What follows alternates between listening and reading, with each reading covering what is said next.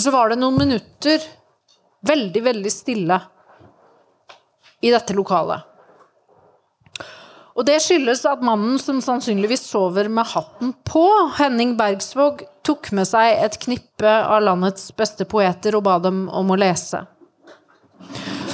Og siden det har jeg bare ønsket at akkurat det skal skje igjen. Og jammen sa ikke Henning ja til å ta med seg sitt unike poesikonsept, Poesidigg, til Grimstad også i år.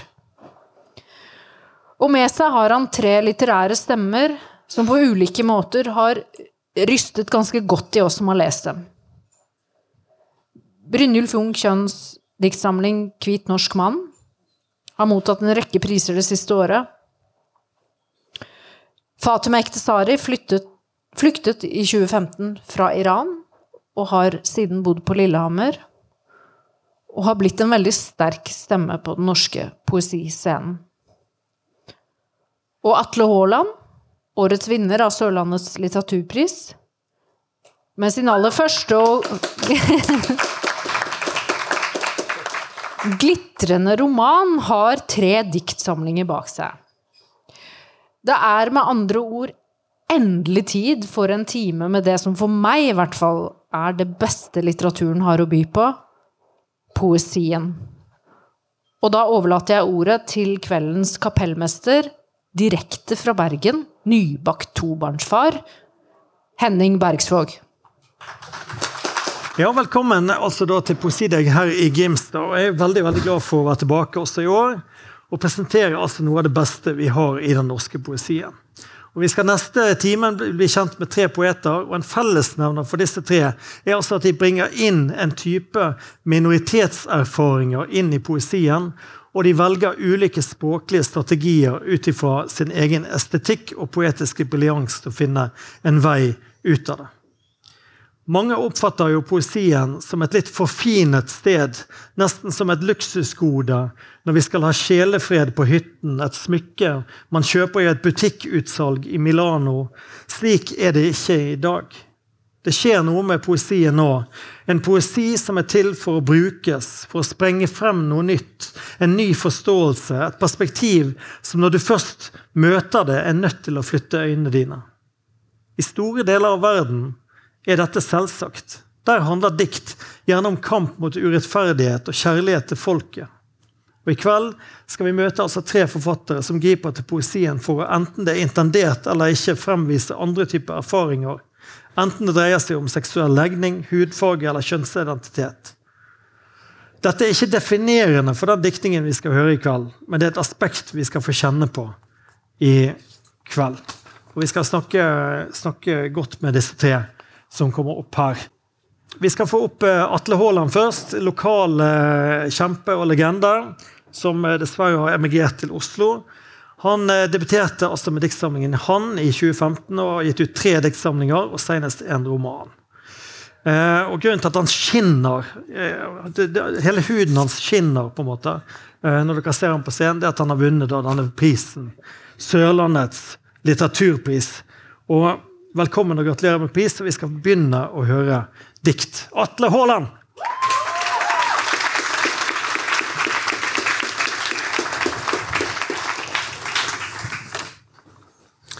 Takk. Um, ok. Jeg er nærsynt, så I stuevinduene på den seks etasjer høye blokka blinka synkrone TV-skjermer. Vi gikk på gangstien bak Nybyen, forbi volleyballbanen uten nett og skaterne. Jeg tørte ikke å ta hånda hans. Det var begynt å mørkne. Vi gikk sykkelstien opp Baneheieveien. På vei til et tomt hus vi hadde vært i tidligere. Han subba i strøsand fra i vinter. Da jeg spurte han Hvorfor kan du ikke vise andre hvor god jeg syns du er? Han gikk med lange, raske skritt opp bakken. Det var umulig å ta på han. Og da jeg tok han igjen, snudde han. Du, ropte jeg. Da stoppa han. Jeg kan ikke være en, en sånn. Jeg kan ikke være sånn, OK? De skjønte det. De unngikk han, sa han. Tålte ikke trynet på sånne som oss.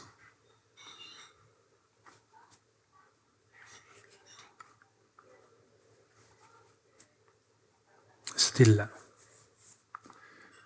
Får jeg på meg klærne uten å røre han?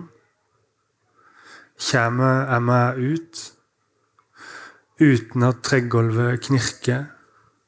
Uten at naboene ser meg og fersker han mens han sover? Han som ikke ringer meg med andre i nærheten?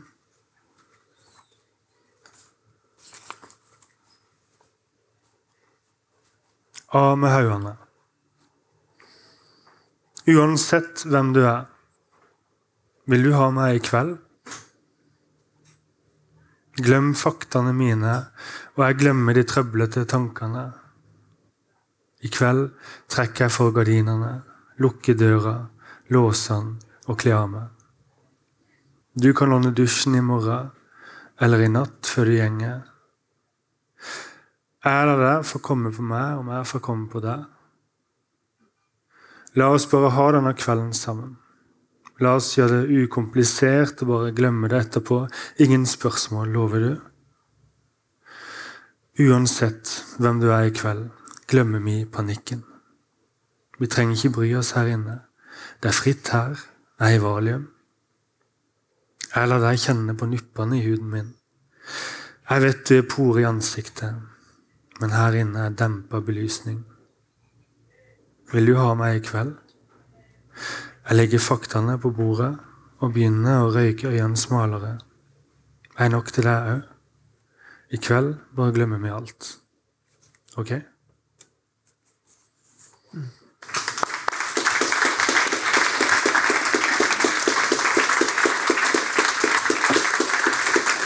Mm.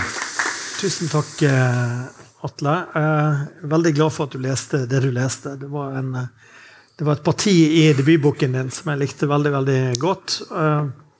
Og som, jeg, som all god poesi så, så føler jeg at det er et dikt, diktpassasje som handler om noe konkret, eller tilsynelatende noe konkret, men det også kan handle om møtet med leseren, tenker jeg like så godt. på en måte, altså At det har en overført betydning. Det er iallfall et rom som er veldig godt å bli invitert inn, inn i. Uh, har vært, uh, jeg har lest alle dine fire bøker nå siste uken, og, mm.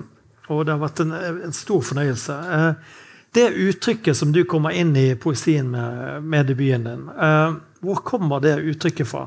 Altså, det et, jeg vil si at det er en poesi uten mange av poesiens største kjennetegn, altså metaforen er nesten fraværende. Mm. Altså det, det Poesien som det forskjønnede språket. på en måte, der, det, det, er fraværende. Det er direkte. Det er, det er, det er rett på. Ja. Fins det forelegg i lesninger eller ting du har vært opptatt av? Eh, jeg vet ikke, Det er jo litt morsomt, fordi jeg var Jeg ble også eh, liksom Høgskolen i Kristiania de hadde en sånn filmlinje. og Der skulle de adaptere en tekst. og Da ble det spurt om, om jeg kunne velge ut noe dikt. Og da valgte jeg et dikt for han. Og, eh, og, de tenker jo, ikke sant, for de er vant til å tenke at poesi har masse metaforer. og sånt, Så de, mm. de tolker den også inn i helsike. Og en dørkarm, da. Og det var en port inn til Det var veldig science fiction. eh, men Ja, for dette er jo konkret. Ja. Det er veldig konkret, og det er også eh, en dørkarm er bare en dørkarm, eller eh, mm. Subbi Strøsand er jo et fint bilde på eh, på noe. Også kan det jo være, men det er jo også det er, det er jo gjerne er jo bare. Jeg prøvde vel bare å male fram veldig tydelige og konkrete bilder fordi Eh, altså, jeg ville jo egentlig bare um, Ok, du, du, du, sa det kunne gå omveier i dag. ja, det er lov. Det er lov, da det er lov. gjør vi det. Uh, hele diktsamlinga begynte jo egentlig med at det hadde blitt refusert sånn, jeg vet ikke, tre ganger sikkert. Uh, fordi jeg hadde skrevet litt sånn halvveis diktsamlinger som bare sendt inn. Uh, og så fikk jeg sånn standardrefusjon, og så Og den siste diktsamlingen som ble refusert, het 'Aldri mer løgn', eller noe sånt. da som jo var, var løgn. Selvfølgelig, den tittelen var jo kjempeløgn. Mm. Eh, og så fikk jeg bare en sånn kjempekjedelig standardrefusjon tilbake. Og så ble jeg så oppgitt, og da bare bestemte jeg meg for at okay, da klipper jeg opp alt i linje. Og så trekker jeg det helt vilkårlig, og så limer jeg det sammen. Mm. Og det ble jo selvfølgelig tekster som ikke ga noe som helst mening, da, egentlig. Også, som jo er en kjent teknikk, da, cutout-teknikken. Altså. Mm. Um, som jo nok er en inspirasjonskilde, altså disse beat-folkene. Uh, men det ga meg også veldig tydelig oversikt da, over at det var noen temaer som gikk igjen. Og det var ulykkelig kjærlighet, selvfølgelig. Eh, og, og Kristiansand og undergrunn, da, kanskje. Mm. Ja. Og da skjønte jeg at det er det jeg skal skrive om. Ja. Eh, og da ville jeg også gjøre det så tydelig og rett fram. Og det handler sikkert litt for min egen del også. eller? Mm. Jeg tenker det er En annen betegnende ting med din poesi er jo nettopp det tenker jeg, stedsbenevnelsene. Altså du, mm. du, er, du, er, helt konkrete steder. og jeg, jeg, føler jeg har lært veldig mye om, eh, om eh, lokalgeografi rundt Vatnestraumen. Mm. Og, og, og, litt sånn eh, Sørlandet her. Og, og, det tenker jeg også en sånn Du nevnte beatpoetene, og jeg tenker jo liksom at den den bølgen som, som, eh, eller som Jan Erik Vold, eh, som var her i går, mm. tok videre med liksom benevnelse av gatenavn i Oslo og sånn. Ja. Altså, altså, det konkrete eh, Det en fransk dikter kalte det, det næres eksotika. Altså det, det, det er larverende på en måte i, i, bare det helt i det konkrete, i den verden vi lever i. da. Mm. At den i seg selv er eh, fantastisk, på en måte. Eller, ja. Ja, for, Til å begynne med så tror jeg jeg hadde veldig sånn ikke-spesifikke Da var det elven og fjellet og stien og byen og sånne ting. Men det var redaktøren min som mente Men hvor? Hvor er det? Hvor er det? Mm. Og da bare begynte jeg å flette inn disse spesifikke stedene. Mm. Og opplevde vel også at det, det gjorde at at man også kommer nærmere tekstene. Eller man eller, ja. Mm. Eller det er lettere å se det for seg, på et vis, da, selv om man kanskje aldri har vært i Kristiansand. Ja. Og det var og så merker jeg vel også at det, det, er jo noe av det interessante med det. Da kan du også skrive inn liksom sånn steder som ja, folk kanskje ikke bryr seg om, eller uh, steder som kommer til å bli revet. Og, ja. Altså, mm. Kunstkiloen, for eksempel. Den, den er jo nevnt, men lenge før han ble en kunstkilo. Er det noe, Nå sitter jo foreldrene dine her, som er fasiten på mye av, av biografien din. Men, men altså den, Er dette noe du alltid har holdt på med? Eller, eller å finne et språk for, for virkeligheten din, holdt på å si? Er det noe som du har hatt med deg hele livet? Huh. Eh, litt sånn uh, freudiansk Ja, ja eller litt, følte jeg litt øyeblikk. Terapi. Ja, men det, eh, det er når mine foreldre er her også. Så, uh, nei, jo Ja, jeg tror jeg, skriving for min del var Men jeg skrev veldig mye sånn forskning. Ja. Det sto at du skrev forskningsrapporter som barn. Ja. Der, ble det, der går det litt sånn alarm. Ja. Men hva forsket du på? Eller? Jeg var veldig opptatt av en bok som het eh, 'Naturboka' av Gerald og Lee Durell. Som var eh, en helt fantastisk bok. Eh, jeg tror den er skrevet for barn, jeg vet, vet, ikke, men den tok det så ekstremt for alvor. Han tok for seg sånn ulike biotoper. Jeg var ikke så interessert i de biotopene som ikke var i nærheten av meg, men skogen og myra og sånne ting var helt fantastisk. Og så uh, kikka han de på disse dyrene som var der. Og, og, så helt bakerst i boka så var det sånn laboratoriedel. da, Forsøk du kunne gjøre. Dissekere meitemark. Eh, og sånne alarmerende ting. Um, og da bygde min far eh, et laboratorie til meg på garasjeloftet.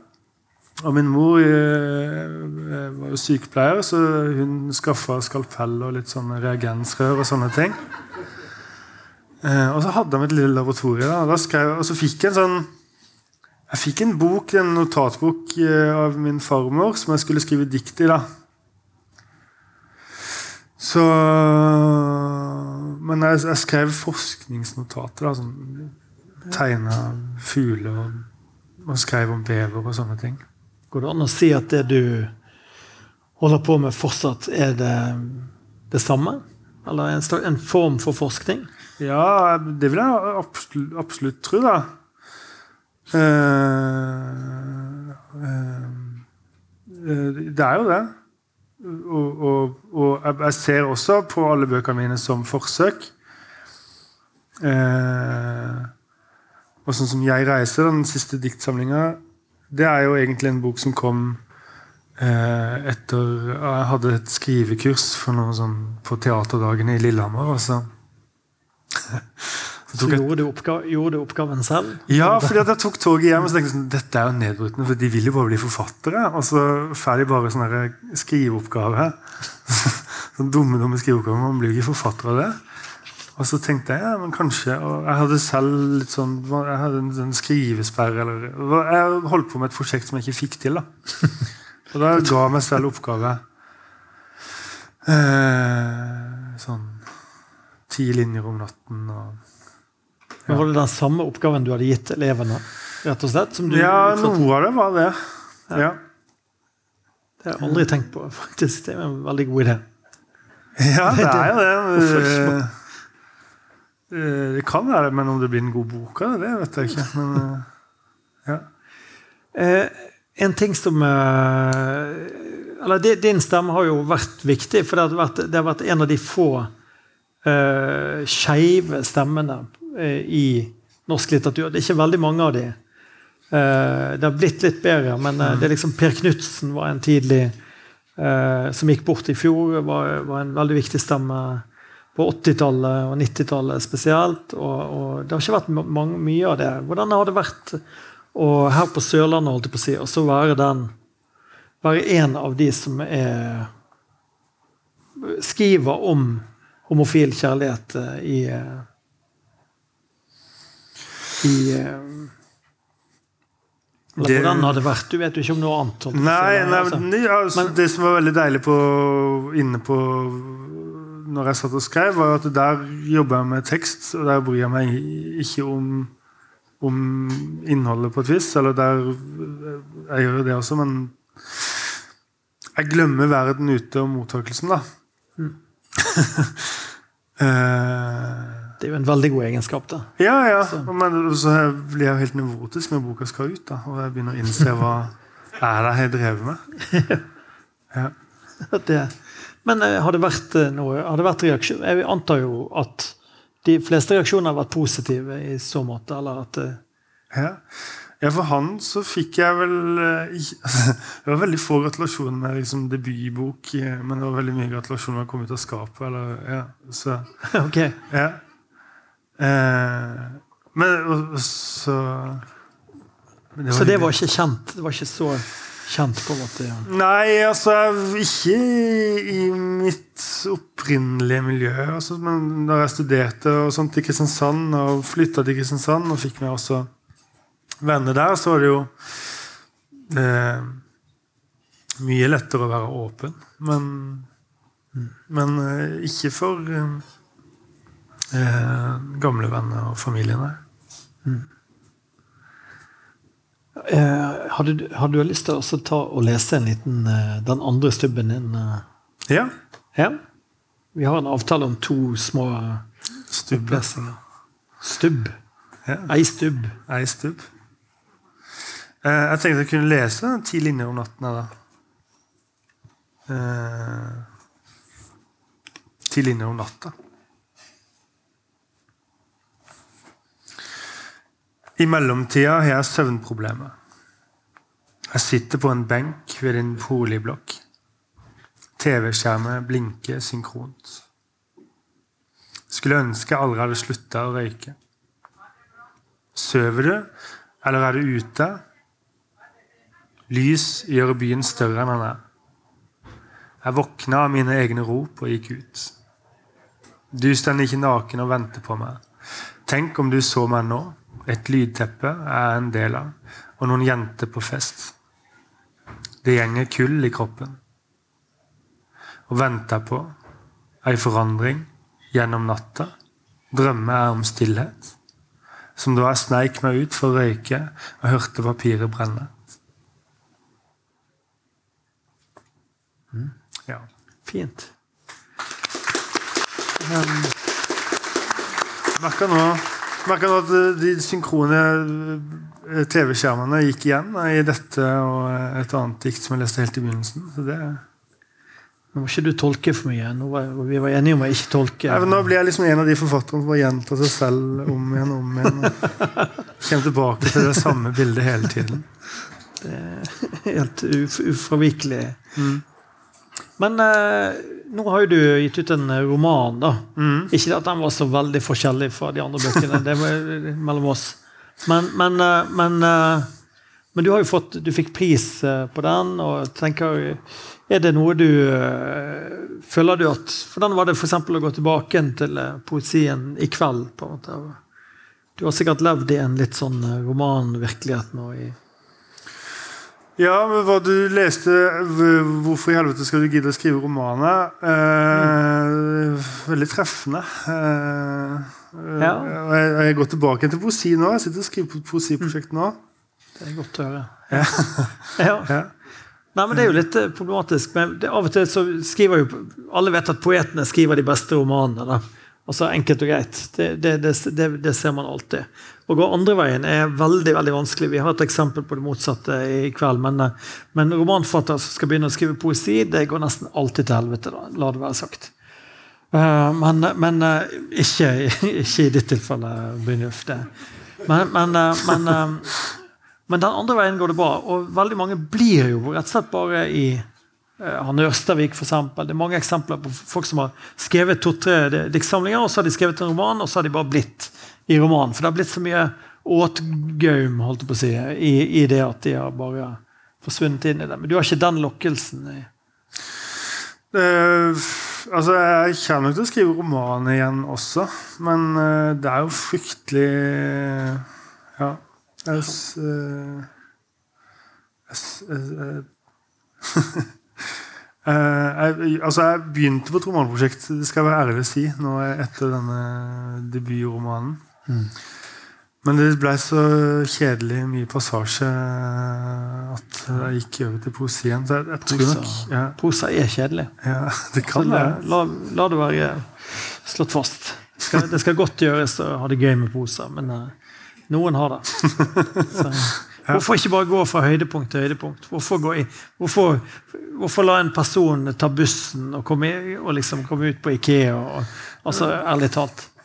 Men, men de om det. De om det. Eh, nei, men tusen takk, eh, Atle. Eh, det har vært det, vi, vi, Jeg gleder meg til å lese videre på, på det du, du kommer med. Og, og det var trist å høre at du har flyttet til Oslo og vendt Sørlandet ryggen. Ja, Jeg er fortsatt folkeregistrert for Sørlandet i Kristiansand, så det jeg skal stemme ved kommunevalget i Kristiansand og sånne ting. Gå på en pendler, pendlerbolig i smell eh, før du vet ordet av det. Ok. Nei, men eh, tusen takk. Selv takk. Da eh, vil jeg ønske, ønske velkommen opp eh, Brynjulf Jungkjønn. Eh, og vår neste poet han debuterte i 2002. Han har skrevet en lang rekke romaner, noveller, ungdomsromaner, fått mye oppmerksomhet og heder for de. Men i fjor så kom det også en bok som virkelig har gjort et slags gjennombrudd i forfatterskapet 'Hvit norsk mann', som fikk selveste kritikerprisen for beste utgivelse i 2022, uansett sjanger. Eh, og vil du begynne kanskje å lese fra boka di? Ja, det skal jeg gjøre. Hva vil du bli når du blir stor? Jeg vil bli en hvit norsk mann.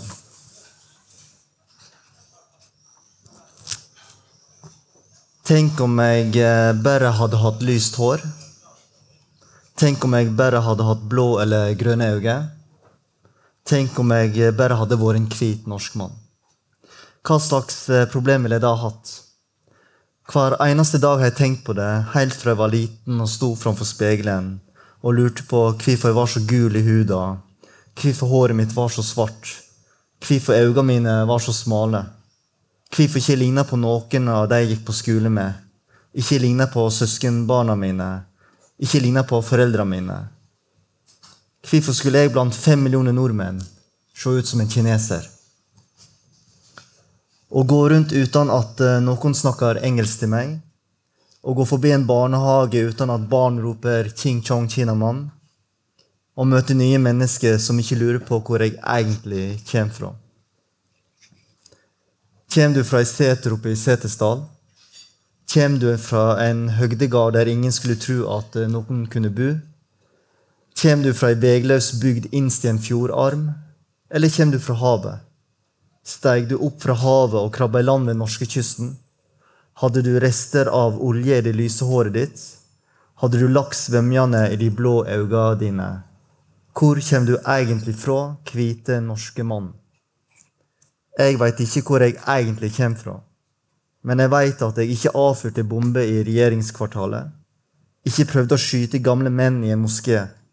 Og jeg veit at eh, hvis jeg hadde hatt en stebror, en hvit norsk stebror, så kunne han ha skutt meg på mitt eget soverom fordi jeg ikke var en hvit norsk mann. Skolefotografen i første klasse ber meg om å åpne øynene mer Skolefotografen i andre klasse ber meg om å åpne øynene mer. Skolefotografen i tredje klasse ber meg om å åpne øynene mer. Etter dette, hver gang noen skal ta bilde av meg, åpner jeg øynene så mye jeg kan. Jeg eh, jobber i NRK. Jeg har akkurat kjøpt meg leilighet i Ullevål Hageby. Jeg har kommet hjem fra jobb med ei avis under armen. Den første naboen jeg møter, spør om jeg leier leiligheten av noen. Den andre naboen jeg møter, spør om jeg er det nye avisbudet. Da jeg fikk kjæreste, spurte et søskenbarn om kjæresten var slik som meg, eller om hun var norsk.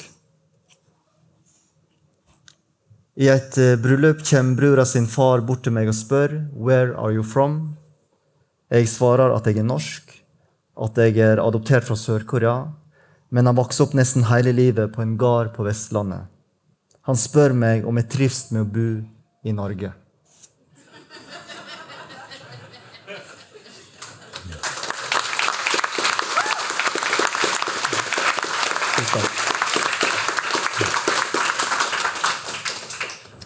Ja, eh, Brynjulf, du kommer jo eh, seint til poesiene. Men jeg vet jo fordi at jeg kjente deg for 20-22 år siden, at du var sterkt engasjert i poesien eh, som, som, veldig ung. da. Mm. Så hva er det som har gjort at det har tatt 20 år inn i forfatterskapet ditt før du, du kom hit? Jeg drømte jo om å bli poet. Eh, det var sånn jeg oppdaga litteraturen. Jeg var 14 år og hørte dikt av Arnulf Øverland du må ikke sove, og skjønte plutselig at litteratur kan endre livet ditt, og litteratur kan skape følelser, og litteratur kan lage bilder. og eh, Arnulf Øverland kunne skrive dikt på slutten av 1930-tallet, og jeg som 14 år gammel gutt kunne sitte 60 år etterpå og ta alt inn til meg. Og, og fikk frysninger, da. Og så prøvde jeg å skrive dikt, og jeg las masse dikt. Jeg las deg, blant annet. Og så fikk jeg det ikke til sjøl. Eh, og da var det enklere å skrive romaner, faktisk. Så jeg debuterte med romanen da jeg var 21-22 år gammel. Og har innimellom prøvd å skrive dikt. Og så skrev jeg en diktsamling for eh, tre-fire år siden som nesten ikke fikk oppmerksomhet. Så det er romanene som har fått mest oppmerksomhet. Eh, Jeg har skrevet litt for barn og unge òg, og ungdomsromaner. Men det har rett og slett- vært enklere å skrive romaner fordi som du sier, man trenger ikke skrive Og det å skrive 50-60-70 dikt som alle skal være gode, det er vanskelig. Men så skrive 200 sider, en roman på 200 sider er faktisk enklere. Ja. Sånn at eh, det, det er grunnen. Eh, og så Men så fikk det til, da. Med, så kom det noen tekster til meg, og så visste jeg ikke helt hva jeg skulle gjøre med det. Men så, så skjønte jeg etter hvert at det skulle bli dikt og skulle bli hvit norsk mann. Ja. Dette er jo en type materiale, dette er tungt materiale. Dette, du ser at Jeg har vært på, deg med, på opplesninger fra, fra disse tingene. og folk, det, det, folk sitter og griner i salen, til og med. Altså det, det, det, et- det er stoff som beveger eh, publikum. Og, og jeg tenker at det kommer fra et, annet, fra et, fra et tungt sted eh, i deg. på en måte. Er, det, er den type ting lettere å skrive? på en måte? Altså hvis, hvis den emosjonelle eh, Hvis du kan si noe om det, og så kommer det Altså Hvis det er trykk der, på en måte, vil det, vil det da komme lettere? Ja, jeg tror eh, Det er vel den boka jeg skrev fortest. Men det tok òg 40 år før jeg kunne skrive det. Før jeg skjønte jeg kunne skrive. Eh, Jeg har jo på en måte eh, Siden jeg var 20 til jeg var 40 år, skrevet bøker om om eh, hvite norske nordmenn som vokste opp på en gård. For jeg vokste opp på en gård, jeg er odelsgutt. Og har på en måte alltid brukt meg sjøl. Men hovedkarakteren har alltid vært hvite odelsgutter som ikke har det så bra, og som vil bort fra gården. Eh, og så har jeg hele tiden etterlyst ja, men det er jo så lite mangfold i litteraturen. Og så gjør jeg ikke noe med det sjøl. Og det er jo fordi jeg alltid har sett på meg som norsk. Jeg, jo, jeg føler meg 100% norsk. Ja, ja, ja. men så hver eneste dag i hele livet mitt så har jeg òg tenkt at alle andre ser at det ikke ser norsk ut. Fordi jeg blir minnet på det nesten hver dag. Eh. Da gjennom sånne kommentarer at folk snakker engelsk til meg. eh, eh, og spør hvor jeg egentlig kommer fra. Eh, om, du trives, om du trives i Norge. om jeg trives i Norge. Og, ja. Sånn at, eh, så Man blir jo hele tiden påminnet. Selv om jeg vokste opp på den mest norske måten man kan gjøre, som en odelsgutt på, en, eh, på et lite småbruk på Vestlandet. Jeg er jo odelsgutt. og eh, og, og norsk, vokste opp med norske foreldre. Jeg heter Brynjulf Kjønn. Sånn, ingen som heter Brynjulf uh, i Norge lenger. Det er jo mest norske navnet du kan få. Det, det, Bry, det er Bryn, Brynje og Ulv. Sant? Og uh, og vokste opp med norsk kultur. altså Tradisjoner, norsk mat, tradisjonsmat. Likevel så, og, og alt er fullt med norsk, da. Så likevel så har jeg hele tida òg tenkt hver eneste dag at eh, andre ikke ser meg på meg som norsk. Og eh, plutselig kom disse diktene. Det, det har jo litt med ting som har skjedd i eh, samfunnet. Det, det som er utløsende for seg, det eh, åpningsdiktet, er jo drapet på Johanne Ile Hansen. Det er um, Philip Manshaus. Manshaus. Ja, som, eh, som blir radikalisert og bestemmer seg for å starte en rasekrig. Så før han da reiser til eh, moskeen i, i Bærum, er det vel, så, så går han inn på soverommet til eh, lillesøsteren sin og skyter henne fordi hun er adoptert fra Kina.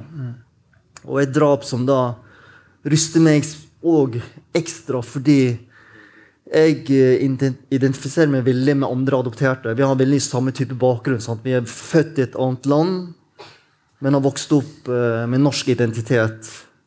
Og likevel kan kjenne på dette her og føle seg annerledes. Og kanskje være veldig usikre på identiteten vår. Og det er en type tematikk som er skrevet, nesten ikke skrevet om i litteraturen i hele tatt i Norge. Så jeg har jo òg da i 40 år eh, ikke lest noen skjønnlitterære norske bøker om det å være adoptert. Eller om ingen karakterer som jeg kan kjenne meg helt igjen i. Ja.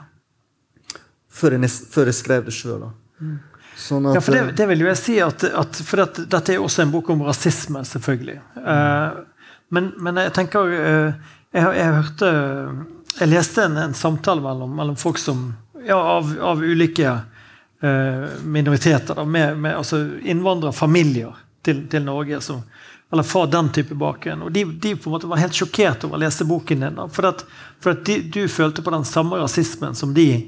Men de hadde jo sine foreldre. på en måte. Altså, de hadde jo sin, sitt, sitt nettverk, nettverk og sin, sin, sine røtter, eller hva man skal kalle det, å lene seg på. Mens når du møter den, så har du ingen. Altså, så de følte at det var, det var liksom, dette var jo hakket opp, på en måte. Ja, og jeg har alltid tenkt at det ka- kanskje omvendt, da, at det hakker under. Eh, At det, hvis det er et Ja, ja. hierarki i rasisme, så det å være adoptert egentlig ikke så vidt farlig. Fordi Mm. man er norsk, og man eh, er heldig som vokser opp med norske foreldre i norsk familie og norsk kultur. Mm. Og eh, eh, jeg var jo kjemperedd for at eh, mange ville tenke at det jeg har opplevd, og det jeg beskriver i Hvit norsk mann, egentlig ikke er så farlig.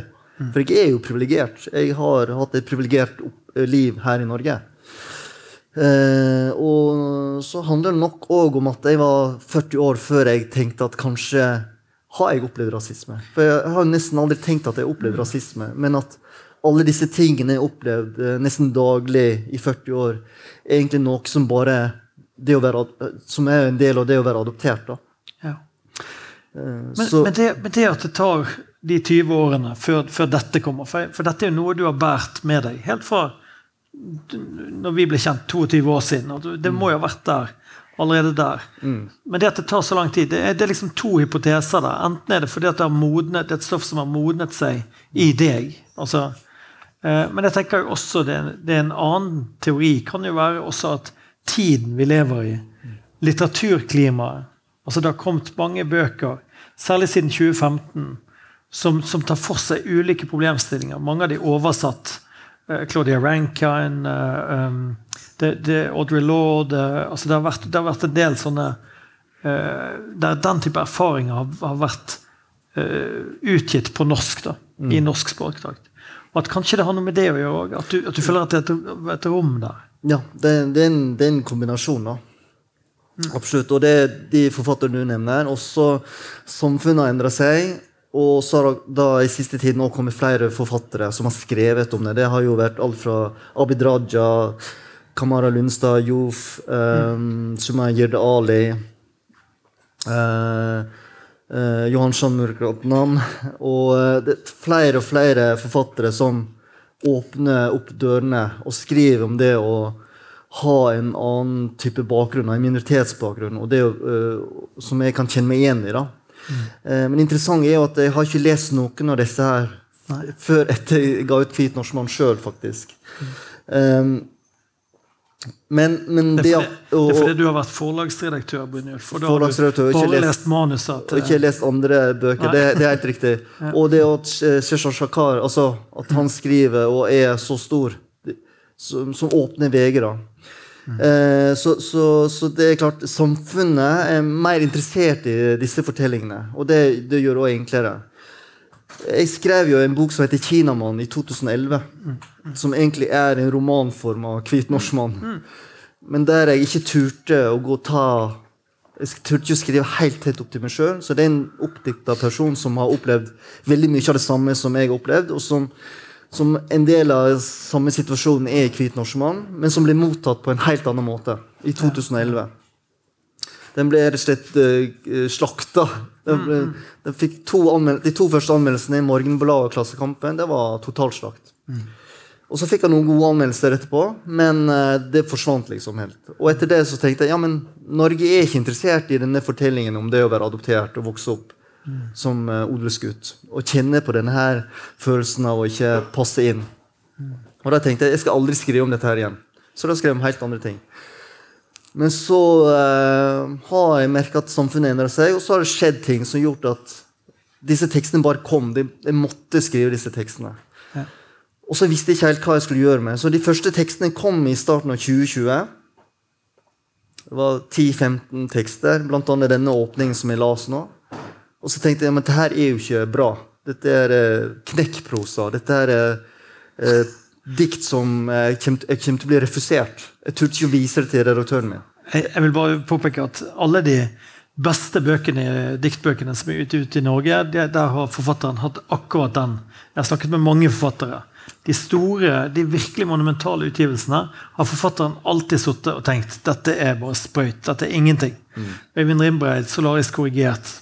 Mange, mange eksempler på Katan. Ja. Det, var, det var utrolig Ja, så jeg satt med, jeg satt med diktene halvannet år og visste ikke hva jeg skulle gjøre med dem. Og prøvde å skrive om til dramatikk, til romanform. Fikk det ikke til. Uh, og visste ikke helt hva jeg skulle gjøre med.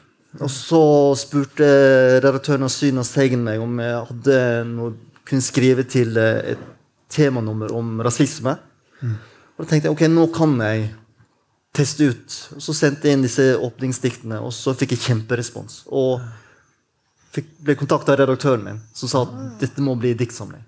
Og da skrev jeg da boka på to-tre måneder. Og det var nettopp det at det kom innenfra, og det bare kom ut. Og måtte bli på denne måten. Det måtte bli dikt. ja. Sånn at, uh, Men det kunne like gjerne ikke blitt noe, så, noe i hele tatt. Fordi jeg nesten ikke turte da. Nettopp fordi Kinamann ble tatt imot på den måten i 2011.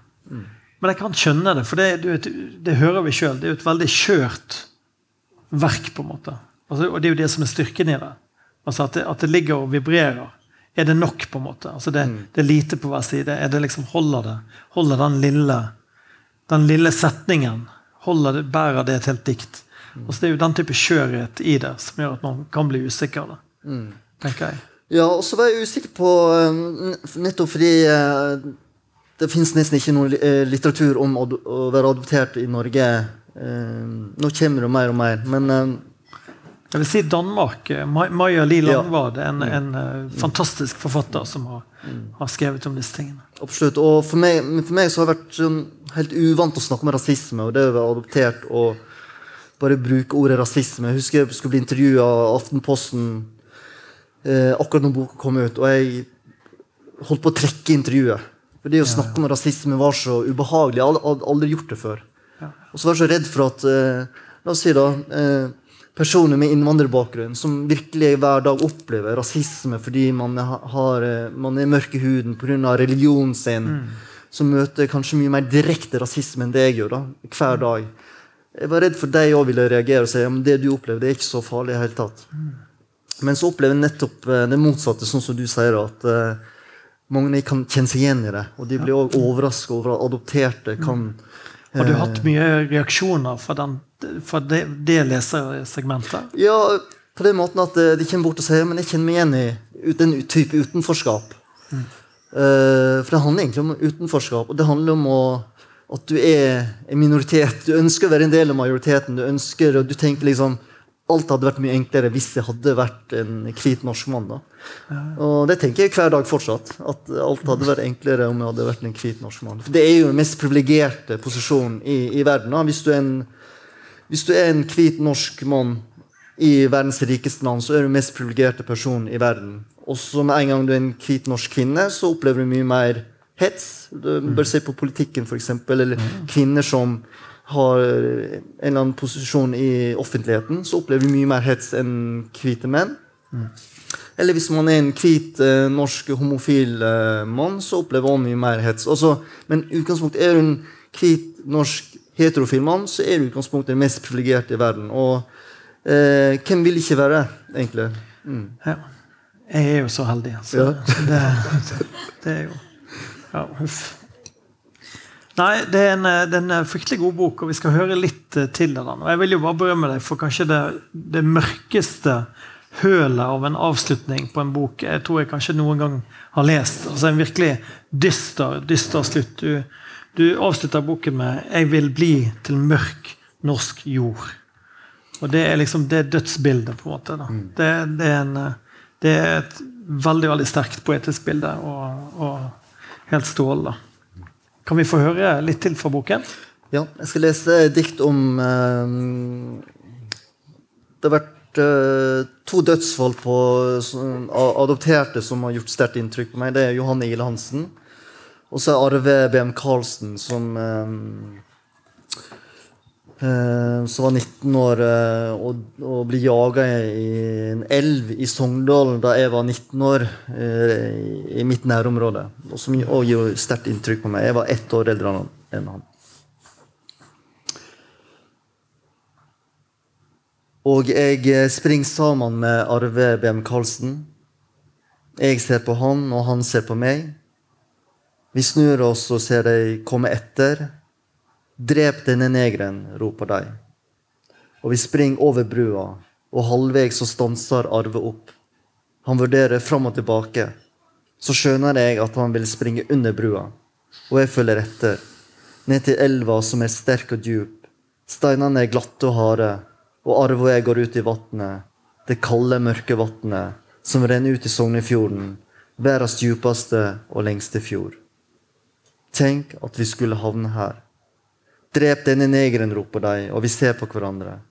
Den ene brun, den andre gul. Tenk at vi skulle havne her, i denne djupe, lange fjorden, der det vokser epler og bringebær på rekke og rad langs fjordskråningene, der fjell etter fjell strekker seg oppover mot snøtoppene, der ferjer sklir som hvite hvaler mellom små bygder. Nå hører vi steg på brua. Drep denne negeren, roper de, og vi ser på hverandre. Vi holder hverandre i hendene. Vi dukker under. I vatnet er vi brødre. To adoptivbarn holder pusten. Jeg er den eneste som reiser meg. Tusen takk.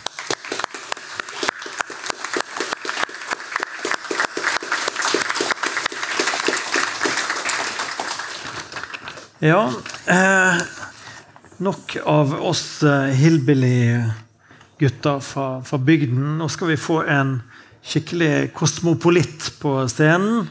Fra Teheran så kommer også Fatime Ektesari. Eh, og for de unge i salen, hun har 131 000 følgere på Instagram. Hun har gitt ut syv bøker på persisk før hun ble tvunget til å flykte i Norge i 2015 etter å ha fått en lang fengselsdom. Eh, og etter at hun kom hit, så har hun skrevet to fantastiske diktsamlinger på norsk.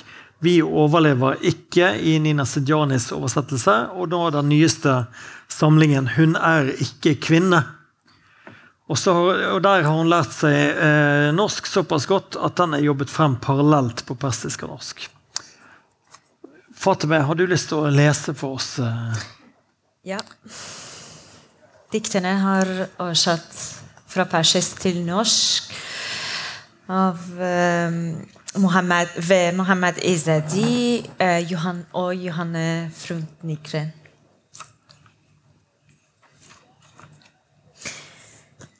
Hun er ikke kvinne. Hun er slappskarlagen. Er en skrikende stillhet. Er en sval sakkmodighet. Et Og jeg skulle ønske i det bevisste selvets sur.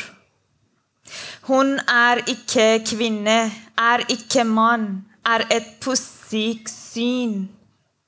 Er et håp bundet på hender og føtter. Er harde steiner i dype lommer en som falt fra himmelen en natt. Hun er ikke hun han, skjønnet er en vind. Er et verb, er et verb mellom å stå og å velte. Er en ånd sluppet ut av en valgnitt lampe, fanget i berget det blå. Hun har krysset kroppens grenser, revet konseptet å være i stykker, har klippet kvinnes skyggen av et jeg som kun seg selv. Hun er ingen fremme, hører hjemme på jorda, er ikke jalende tvil, men gjennomført visshet, er en mine som gjemmer seg for vandrende føtter midt i en gjennomfartsvei. Hun er spranget der verden ender. Hun er en vulkan i havet Hun er en ensom massegrav. Er et dikt, et akk.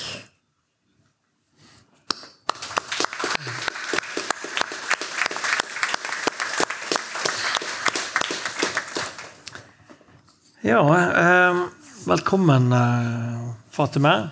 Takk. Eh, vi, har, eh, vi har møtt hverandre mange ganger etter hvert og, og snakket sammen. Og jeg er helt uh, ubeskrivelig imponert over den uh, nye diktsamlingen uh, din, som jeg, som jeg har sittet og virkelig pulsert i hele meg siste uken. Hva, når du har jobbet med denne samlingen, så har du jobbet på en helt annen måte enn du gjorde på, på din deb debut på norsk.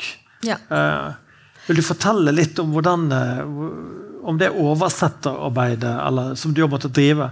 Det, altså, diktene i denne boken står både på persisk og norsk.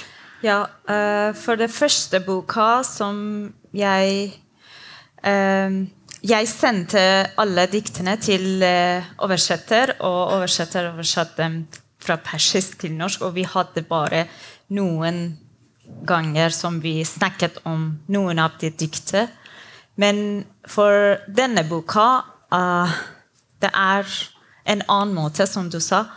Uh, vi hadde ti verksteder, oversettelsesverksteder, og vi uh, Jeg samarbeidet med en gruppe, uh, inkludert en oversetter fra persisk til norsk, en redaktør og oversetter fra engelsk til norsk, eller norsk til norsk.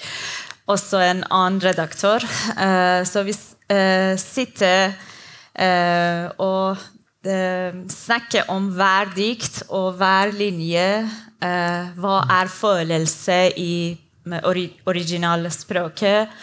Hva er Hva er bakgrunnen på hver dikt, hver linje, hver Ja. Så I noen av de, de dikter de, eh, ja, de, de bestemte at eh, Fordi på originalspråket, diktene mine, eh, har rytme eh, rim.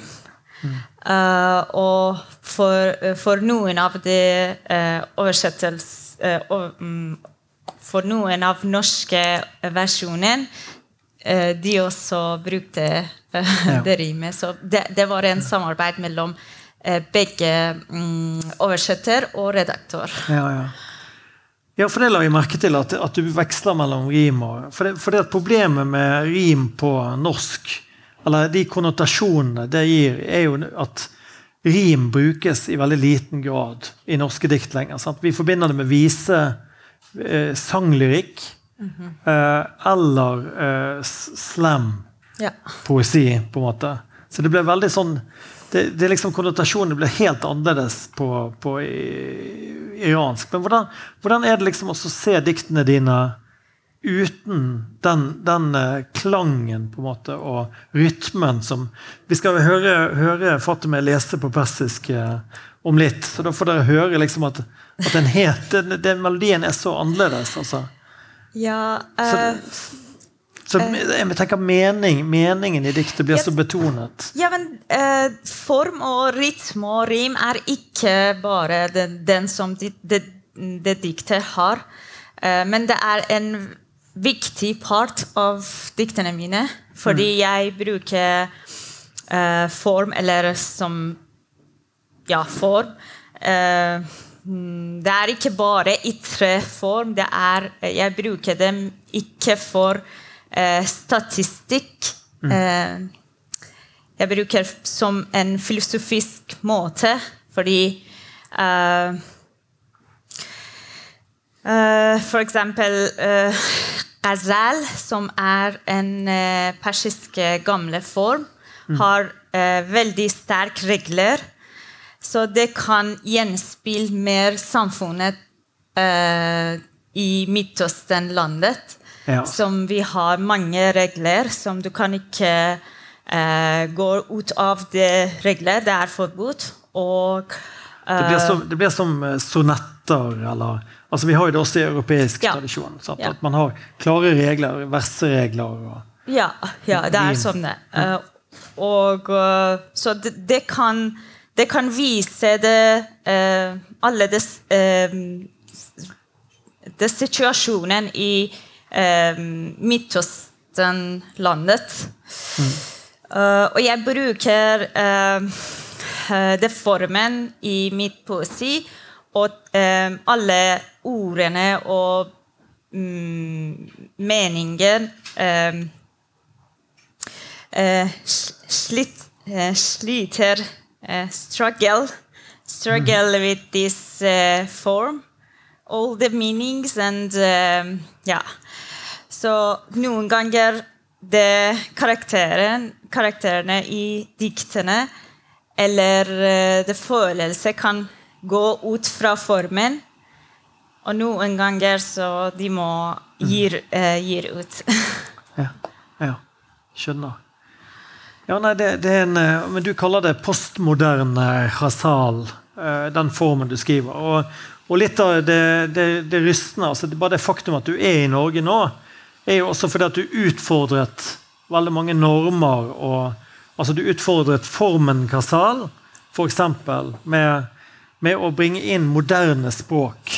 Ja, altså. Moderne språk tilhørte ikke denne formen. Ja, ja, jeg, jeg måtte jo si at det er Jeg bruker den gamle formen med eh, en moderne eller noen ganger postmoderne innhold. Som det er en kontrast i persiske original med en ytre form og, eh, og innhold. Så det, det kan gjenspille gjen- gjenspiller eh, samfunnet som har kontrast som uh, f.eks. i Iran vi moderniserer. Uh, inf vi er moderne. Levet oss er moderne. Også vi har en religiøs og tra tradisjonell bakgrunn som skapet av uh, regimet. Så øh, også det er intellektuelle som er i forkant av samfunnet. Så alle de eh, fragmenterte samfunn med mange forskjellige stemmer kan være i eh, denne formen med mange kont kontrast i som, det er gam som ghazal er gam gammel form av persiske poetri og eh, en moderne innhold. Så Men, men eh, det var jo ikke bare formen eh, du, du på en måte utfordret. Det var jo også innholdet i diktene som du ga ut, som førte deg i trøbbel. Eh, rett og slett. Eh, altså, valg av ord er jo én ting, og, og det er jo utrolig å høre hvordan du har lekt med den iranske sensuren. Altså For de som ikke vet det, så, så vil enhver bok i Iran bli sendt til hva, hva kalles det? Sannhetskommisjon? Eller et eller annet. Ja. Altså noe sånn eh, sensur ja, sensurministry. ja, ja. Um, ministry, eh, cultural ministry, men vi kaller det censor ministry. De må lese alle bøkene. Uh, og de, de kan si 'denne ordet' eller eh, 'den linje' må fjerne fra boka. Og du må gjøre det til å, eh, til å få permisjon å, for, å, for å publisere boka di. Så ja. Men du fant jo noen eh, teknikker på å lure sensuren. Ja, ja forskjellige, ja, forskjellige vei. vei. En, en vei så litt, Litteratur har mange metafor, metafor, så du kan bruke metafor. Men eh, jeg brukte en eh, vei i første boka mi i 2010 som jeg eh, skippet ut de ordene eller linjer som de sa, som sensurert. De sensurerte linje eller ordet. Og ettersom etter som jeg får eh, Etter jeg fikk permisjon til å mm, publisere det boka, også etter at eh, boka ga ut, så jeg skrevet eh, ordene med håndskriv i boka for et hundre kopi. Ikke for alle. Men eh, også jeg uh, printer alle ordene og linjer eh, i, på papir og putt eh, mellom boka og gi til publikum. Det, var, det var veldig morsomt. Det var som eh, ordet 6, page 12. Eh, pregnant woman, page 42. Så uh, Ja, de, det var en men de fant ut av det også? Eller de, ja, ja, Etter hvert? jeg ble arrestert for det også. Så jeg, eh, jeg måtte si hvorfor jeg gjør det. Men, ja. Men etterpå de, Fordi, fordi du, du, um, du Det boka kunne ha en uh, sted uten ord, men eh, med tre eh, dot, eh, tre punktum. Men eh, etter at jeg gjorde det, og så noen andre eh, dikter også gjorde det etterpå, så de sa at eh, alle bøker må være uten tre dot mellom linjer. Og nå har, du blitt, eh, nå har jo du blitt et forbudt ord selv, faktisk, i Iran. Det er ikke lov å si eller skrive Fatima Ektesar i, Iran. Ja, så, det er det også. så det Ja. Vel. En ting jeg, jeg, jeg, jeg har lyst til å se litt på tematikken i det du, det du skriver om. Altså, du har jo det mye, mye av det handler om uh, Eller er et tilbakeværende tema. Noe du uh, return to all the time. uh, is, uh, is kjønnsidentitet. Den type ting. Din siste bok heter 'Hun er ikke kvinne'. Ja. Vil du, vil du si litt om den tittelen, og, og, og hva du legger i Altså, selvfølgelig Iran er jo et sterkt kjønnsdefinerende samfunn. Altså Der det er klare skiller. Så det, det, men jeg, jeg vil gjerne at du, du skal si litt om Ja, tittelen er er eh. Ja, tittelen er eh, 'Hun er ikke kvinne'. Og det er omhandler om Omhandler spørsmålet uh, kjønn og seksualitet. Uh, også det kritiserer uh, dik, Diktene kritiserer eh, stereotype, stereotyper og, og uh, rå linjer.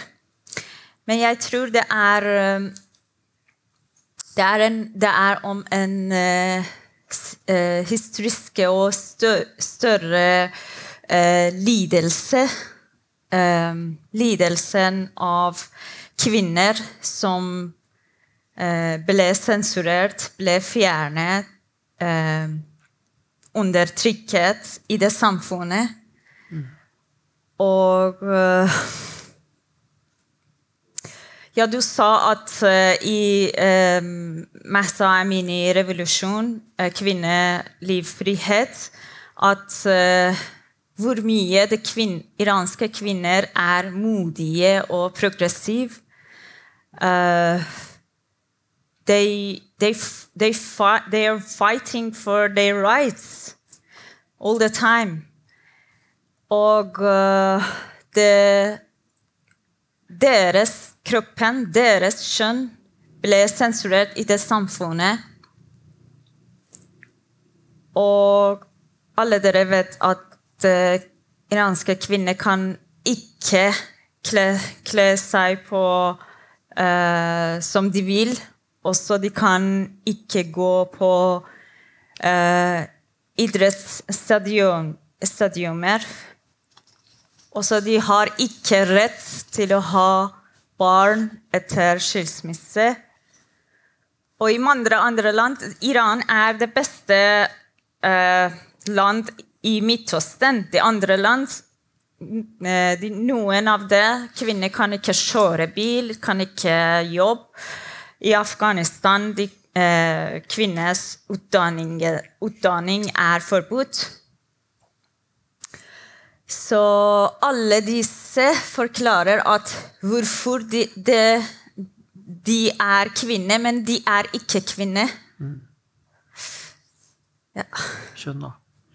Eh, Og i, eh, i det opprøret som vi nå har fulgt uh, siste halve året i, Iran, altså det, det må jo du følge på avstand eh, nå. Og det må jo være en enorm påkjenning, tenker jeg, eh, for deg eh, å stå utenfor der.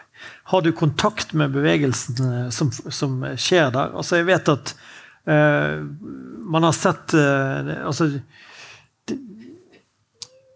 i, i, I noen TV-bilder så har man sett noen rope noen av dine ord, faktisk, fra, fra dine dikt. Og, og det er tydelig at du har en eller annen Jeg, Altså poesien er viktig i denne bevegelsen. ja, selv om jeg bor i Norge, jeg føler at jeg bor i Iran. Jeg eh, bor her, men jeg er full av minner og ubevissthet fra det som skjedde for meg. Og så jeg er i kontakt med eh, venner og familier, og det er nok at jeg uh, åpner en sosial medier, og jeg bombard med alle nyheter, sorger, lidelser fra Iran. Mange venner ble arrestert, ble drept. Og uh, Din, din, din poesi er jo ulovlig i, i Iran, men blir den lest i Iran fortsatt på sosiale medier? Altså, for de kan jo også se hva du skriver. Ja, jeg, jeg trenger å være Jeg prøv, eh, prøvde å Jeg var med poesien min ved siden av mennesker på gatene. Altså de, de bruk, eh, de, jeg bruker eh, min sosiale medier, som du sa, som en vei, fri vei for eh, publikum, iranske publikum, til å lese det hvis de vil ha fri bøkene mine. Uh, og ja, jeg Jeg ville å være med dem på gatene, men uh,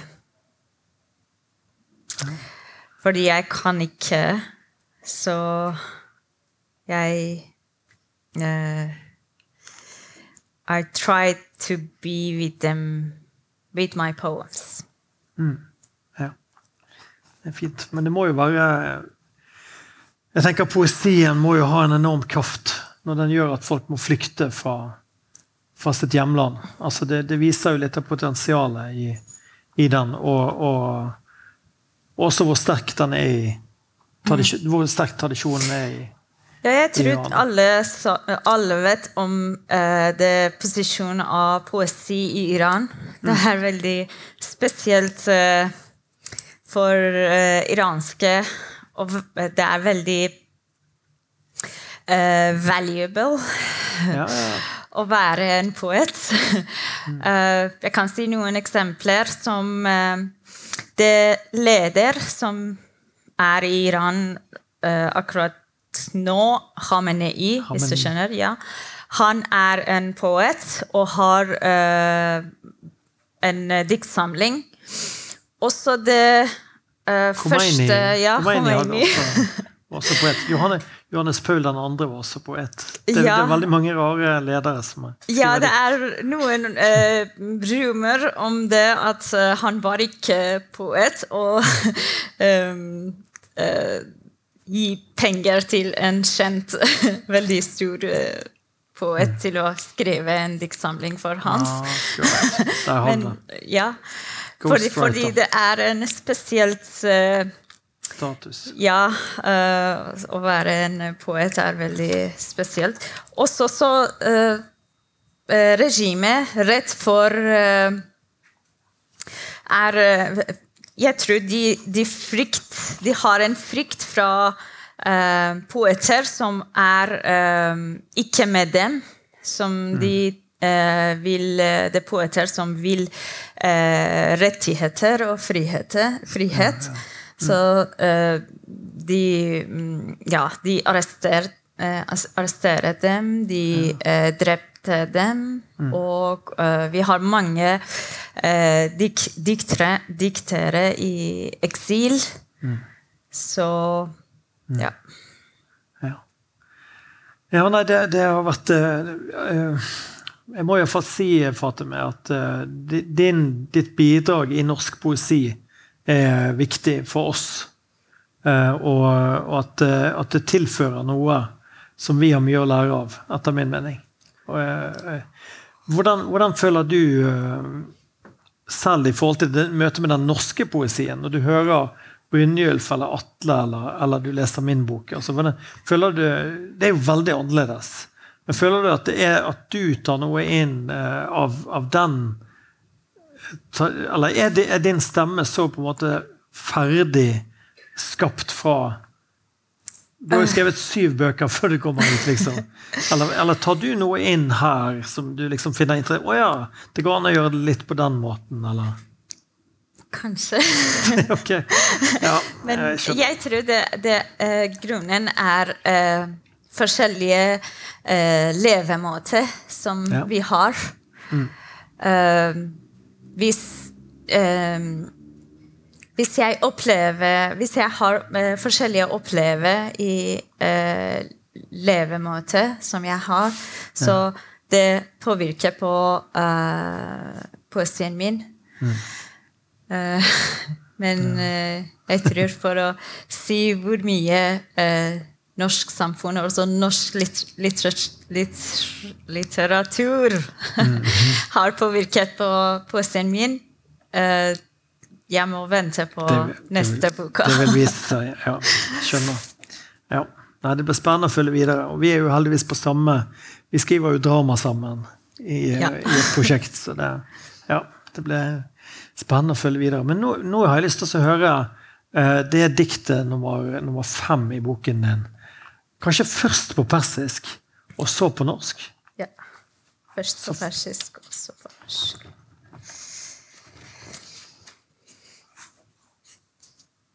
در میارم یکی یکی آروم. هرچی که هست هرچی که تنمه چند تا انبار اسلحه باروت میدون جنگ زیر پیرهنمه. لخت مثل دقیقه اول لخت مثل یه چاقوی خونی لخت مثل یه شعر ممنوعه که جلو چشمته که می‌خونی. در میارم یکی یکی آروم. کتابایی که توی هر قفسن قهرمانای کشت پا میشن تا تو روحم به حقشون برسن. چشمای هیز حافظ و الیوت دستای زبر سامسای خسته. سکس با دنکی شد علی بابا یه تجاوز به گوشای بسته. پوستم جلد پاره یک کتاب خط به خطش روایت رنج. آخه دنیای ما یه زیر زمین مثل سلاخانه پنجه قصه عنوان اصلی هر متن. شادیاز توی پانویس گمه سیصد و شست و پنج روز عذاب.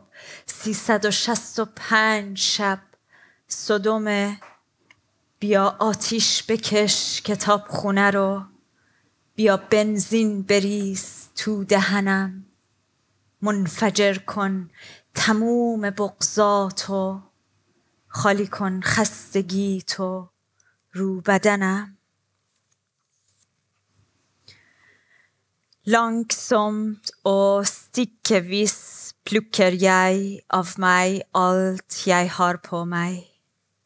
Under skjørta mi er det en slagmark, lager av våpen og krutt. Naken som en begynnelse, naken som en blodig kniv, naken som et forbudt dikt, som diktet som du leser nå. Langsom og Stykkevis plukker jeg ut alle bøkene fra hyllene. De døde heltene reiser seg, krever sitt av meg. De sleske blikkene til Hafez og Elliot. Slitne samsas takkete hender Sex med Don Quijote og Alibaba. Voldtekt av døve ører. Hoden min er et fillet omslag, linje for linje, og betrakte andres lidelse. Verden er en kjeller, slakthus nummer fem. Sorg er tittelen på alt som skrives. Gleden er fotnoter. 365 dagers pinsler, 365 netter i Sodoma. Kom, hell bensin i munnen min. Kom, brenn biblioteket. Spreng klumpen i halsen min. Tom deg over meg.